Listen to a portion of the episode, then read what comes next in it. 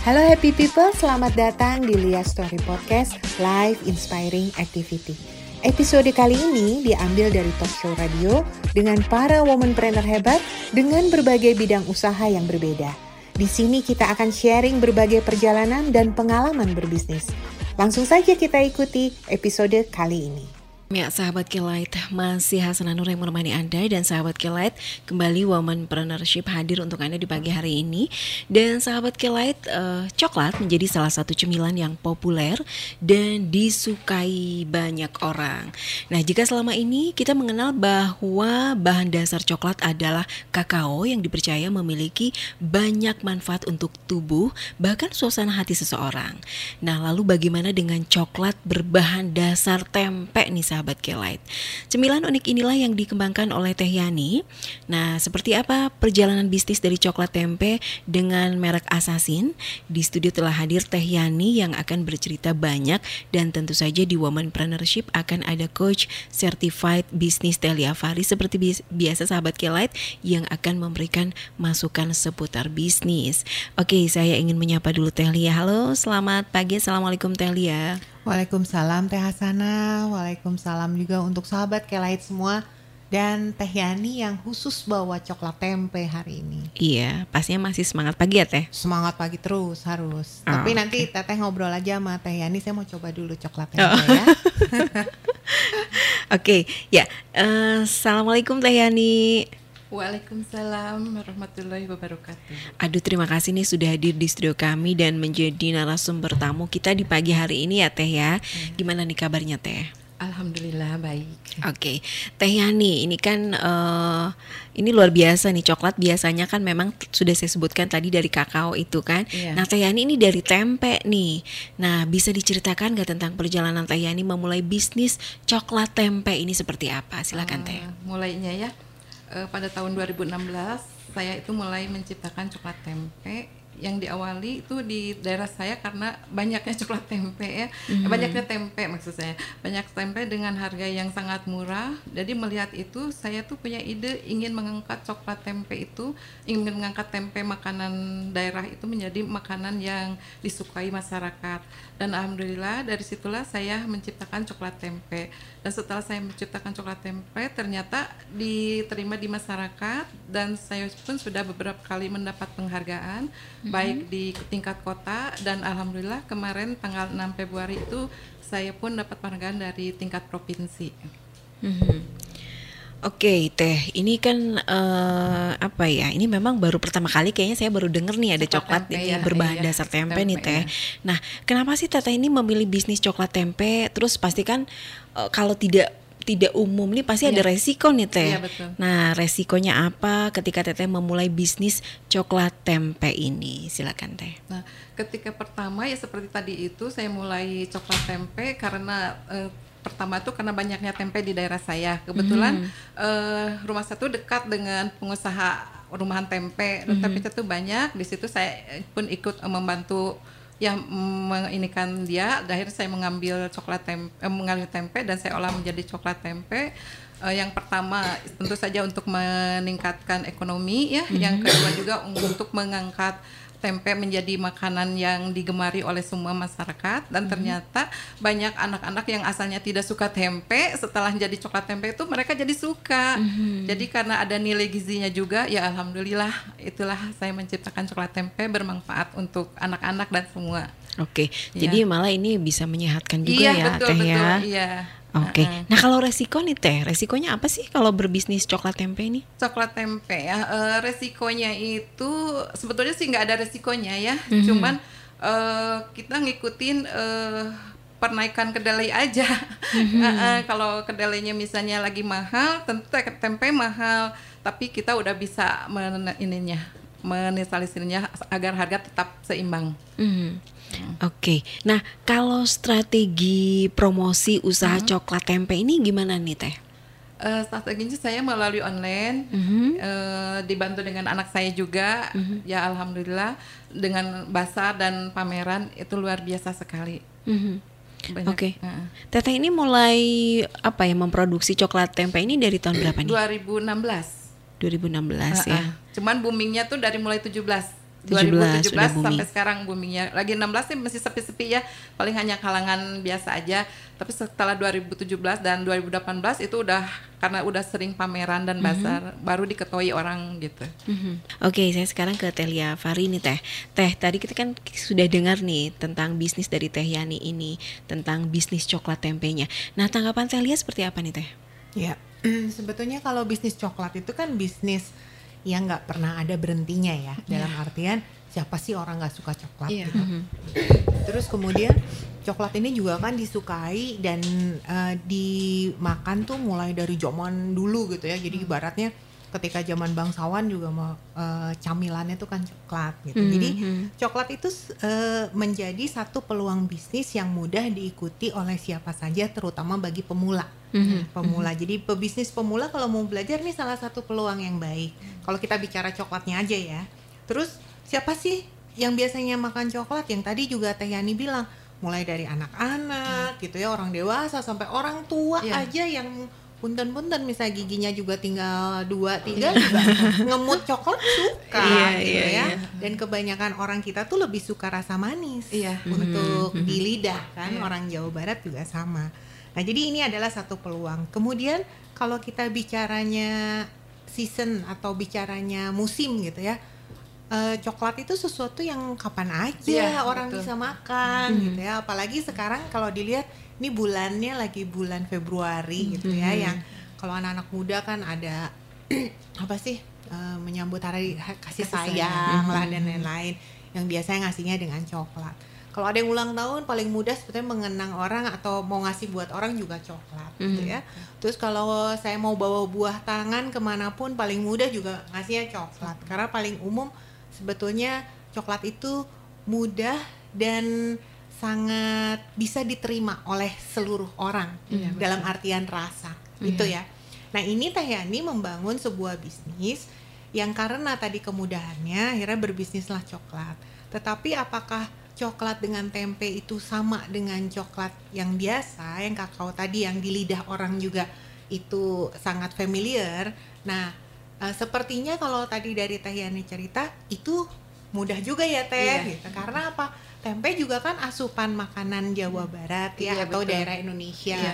yang di mana orang Indonesia juga eh, bukan lauk pauk untuk makan nasi Iya. loh tempe Hmm, tuh betul. kayaknya saya aja kalau tempe tuh bisa digado gitu kan Iya, ya. iya. sambil lewat meja makan ngambil satu balik lagi ngambil satu pas dihitung-hitung ya saya udah makan berapa tempe gitu jadi memang ini adalah satu inovasi yang seharusnya bagi seluruh pebisnis difikirkan karena tadi juga saya baru terpikir oh iya ya kalau saya makan coklat itu ternyata memang ada rasa yang hampir menyerupai seperti tempe tadi karena ada kacangnya Iya. gitu ya Mhm.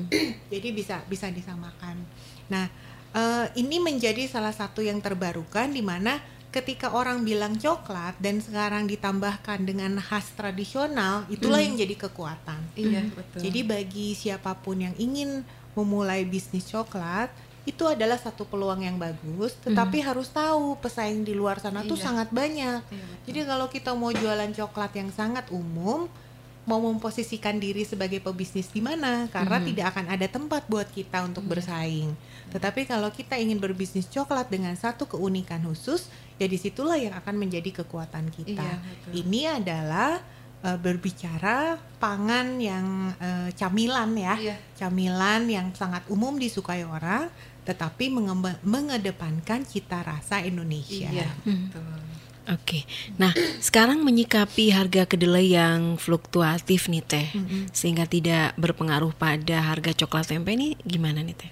Ya, jadi tidak hanya tempe menurut saya berbagai macam bisnis juga dengan beberapa bahan baku yang fluktuatif sangat banyak ya.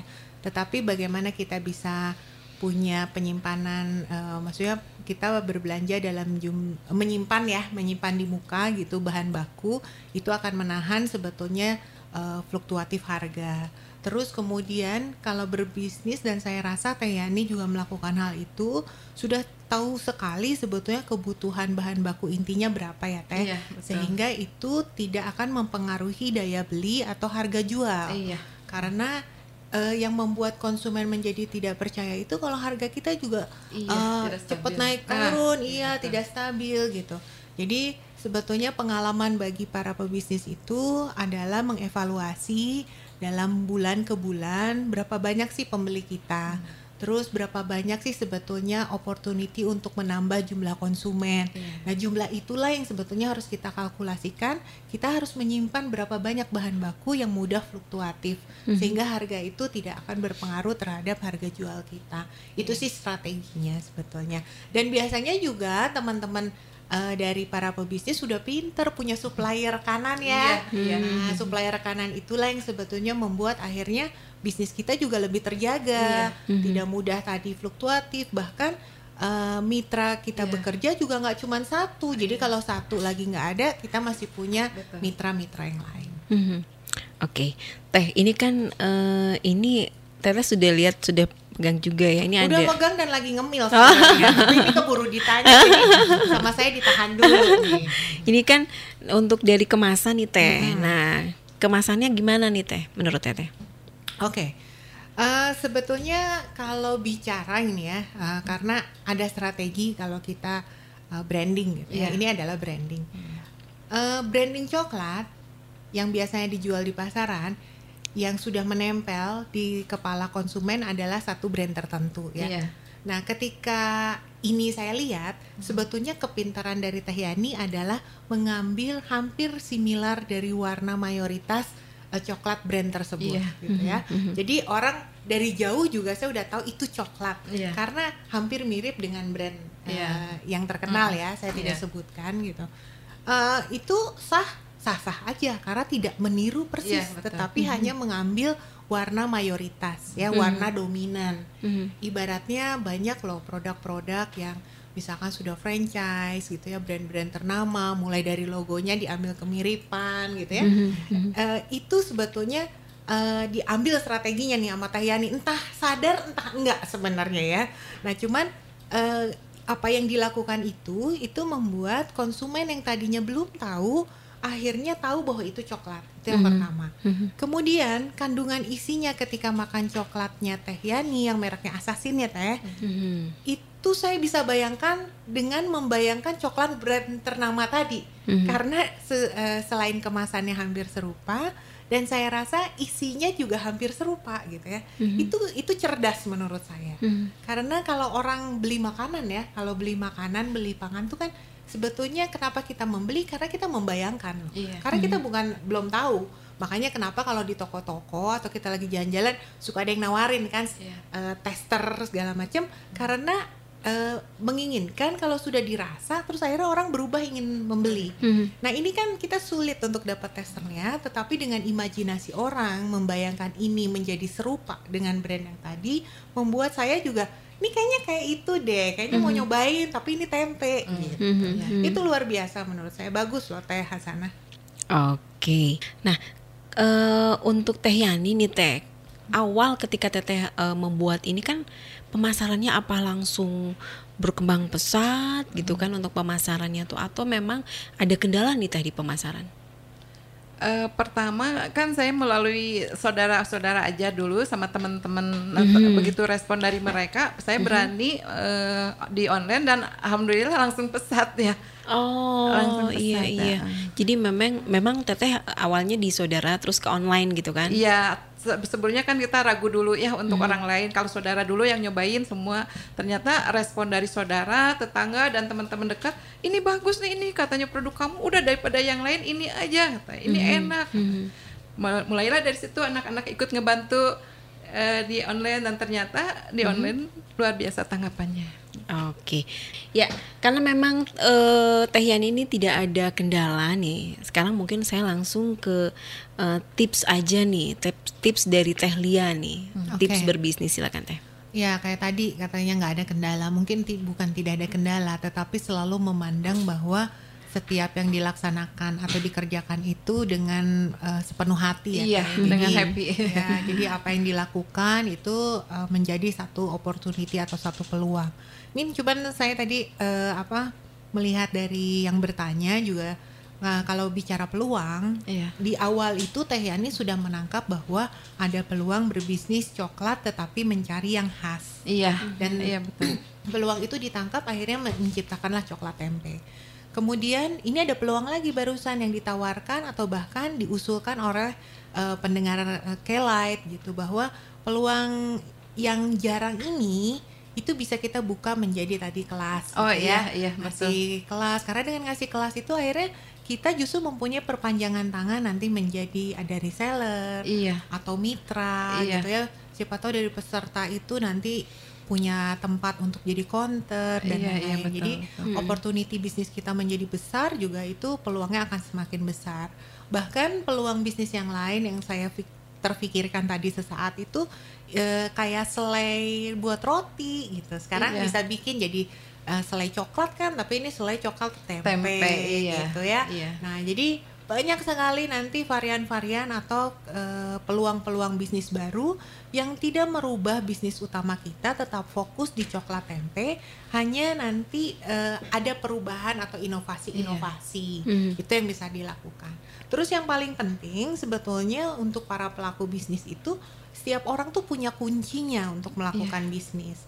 Hanya sekarang tidak semua orang tahu bahwa kunci yang ada di mereka itu bisa digunakan dengan baik gitu. nah, Teh Yani ini adalah salah satu yang menangkap bahwa itu ada kunci, ada peluang di sana dan Teh Yani betul-betul memanfaatkan kunci itu untuk digunakan, membuka pintu kesempatan yang Iya. ada. Jadi buat rekan-rekan bisnis, pebisnis atau yang mau berbisnis di, di luar sana, jangan terpaku sama orang, kesuksesan orang karena Iya. terkadang kunci yang kita pegang sama kunci yang orang lain punya itu Tidak belum sama, tentu bisa iya, sama di betul. satu pintu Iya betul. yang kita punya gitu. Jadi eh, tangkaplah peluang, mulailah dari apa yang kita mampu, tetapi Iya. selalu bukan meniru 100%, memodifikasi, Iya. menjadikan bisnis kita terbarukan dengan menampilkan hanya sedikit keunikan Iya saja. betul. Itu sih Teh Hasanah.